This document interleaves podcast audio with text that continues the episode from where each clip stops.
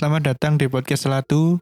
Saiki rada beda ya. Dino iki aku gak ono Aryo karena aku pengen apa ya eksperimental episode episodenya banyak nyoba dan pengen cerita tentang kasus kriminal sing mungkin paling terkenal di Korea Selatan dan paling buruk yaitu adalah kasus pembunuhan berantai Hwasong. Jadi sing guru ngerti, iki kasus pembunuhan Hwasong itu terjadi di Korea Selatan di kota Hwasong terjadi antara tahun 86 sampai 91. Di kasus iki, ik perempuan berusia 14 sampai 71 itu ditemukan memar-memar terus penuhi bengkak-bengkak, pokoknya bekas kekerasan dan dibunuh dengan sadis di kota Hwasong, Provinsi Gyeonggi, Korea Selatan.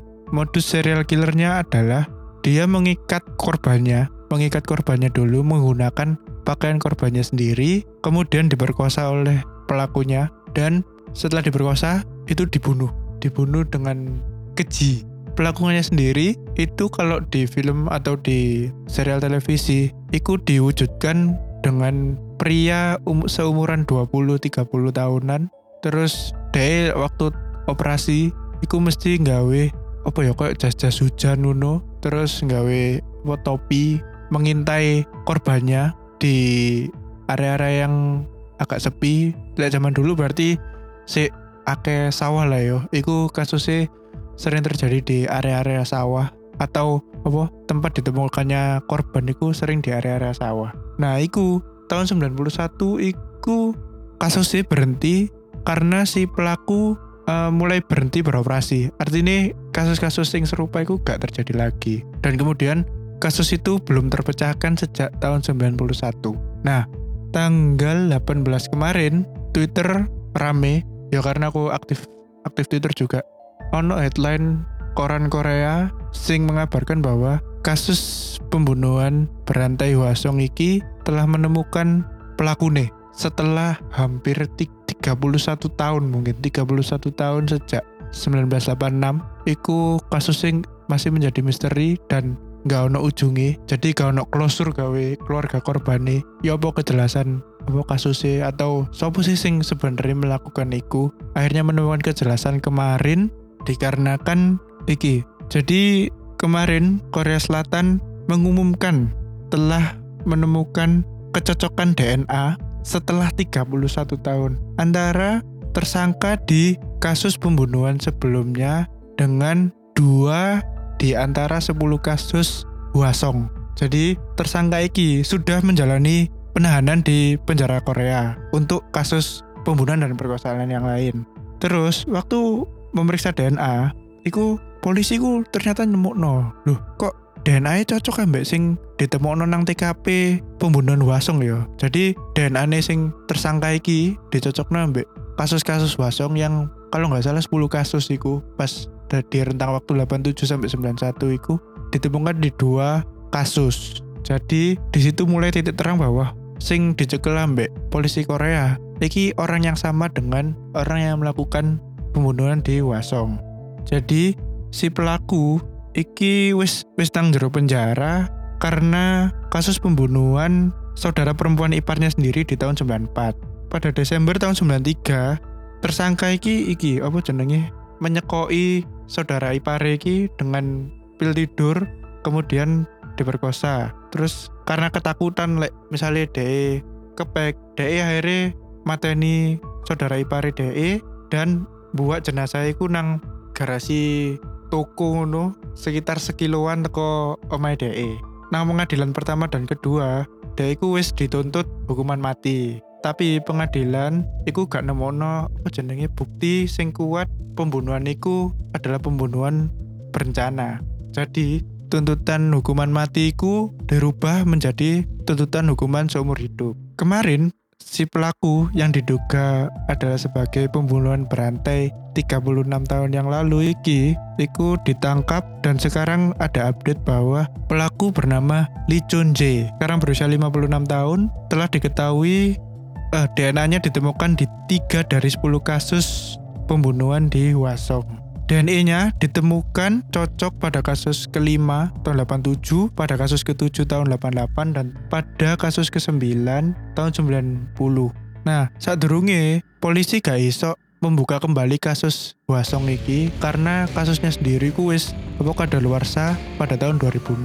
Jadi polisi harus peninjauan kembali lah. Bu aku gak ngerti bahasa hukum ya. Mungkin peninjauan kembali, dibuka lagi kasus iku, dicocok nomane, diselidiki lagi. Bener gak sih iku?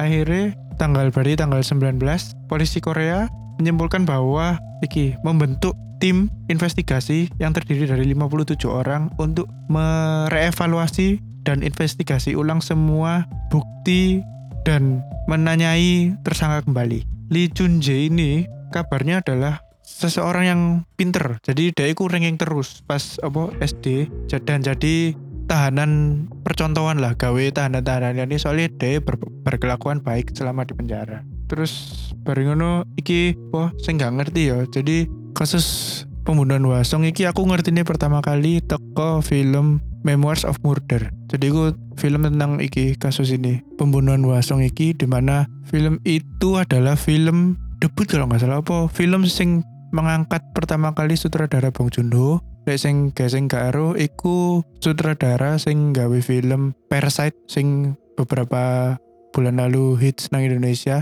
Dia gawe film iku Bong Joon-ho dan aku menganggap film itu sebagai salah satu masterpiece dari Korea Selatan. Karena emang apa secara film dia api ceritanya bagus dan bener-bener menghantui. Karena ketidakselesaian kasusnya sendiri. Jadi penonton iku ya melok galau merasakan ketidakpastian sing dialami keluarga-keluarga korban soal kasus iku. Dan akhirnya pada 2019 iki September lebih tepatnya iku menemui titik terang bahwa pelakunya iku kemungkinan adalah pelaku yang sudah ditangkap apa sudah di penjara polisi sejak 94 dan lek nang berita iki jarine si detektif sing pas nang kasus Wasong iku waktu nerima kabar iki ku nangis. Karena akhirnya iku dia nemu sebuah apa ya sebuah penutup lah sebuah kesimpulan. Maksudnya iku dia gak gak iki lagi uripe gak apa jenenge ngawang terus gak pasti ngono. Karena kepikiran kasus iku terus dia nangis karena wis akhirnya menemukan jalan terang iki. Nah oh ya iki kenapa aku kok pengen bahas iki? Karena iki emang apa ya lihat dari film yang aku lihat ya iku emang ceritanya iku gila sih. Maksudnya dia iku melakukan modus modusnya iku bener-bener nggak nggak ter nggak terbentuk motif nggak terbentuk corak gitu maksudnya dia iku melakukan hal iku iku secara random.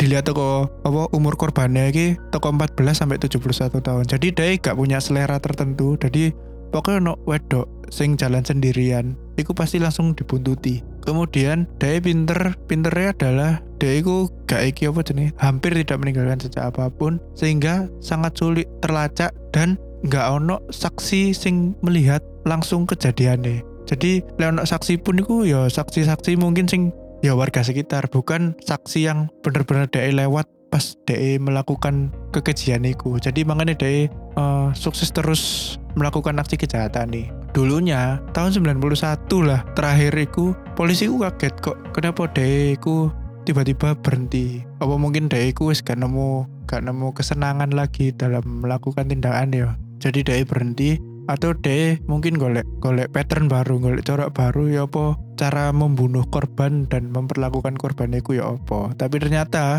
polisiku nggak sadar pada tahun 94 itu mereka sudah memenjarakan orang yang melakukan perbuatan kejiku tapi untuk kasus yang berbeda. Jadi kenapa aku tertarik ini ya aku ya termasuk salah satu yang apa menemukan kepuasan lah. Maksudnya aku dulu iku ya dulu film iku ya jadi gantung uripku jadi gak apa jadi aduh kok gak Mario filmnya kok kasusnya kok gorong Mario iku jadi wah akhirnya akhirnya kecekel juga. Karena iki dinobatkan sebagai kasus pembunuhan berantai terburuk dalam sejarah Korea Selatan iku sih jadi mungkin untuk episode ini aku iku ayo mungkin aku ceritanya rada berantakan karena aku ini baru pertama kali dan apa gak ono koncone gak sing bimbing jadi aku kias nih tertarik dengan karena aku cilianku senang nonton detektif Conan, Kindaichi, detektif Q. Jadi aku tertarik dengan hal-hal sing berkisar detektif-detektifan. Tiga hari terakhir pun aku apa jenenge maraton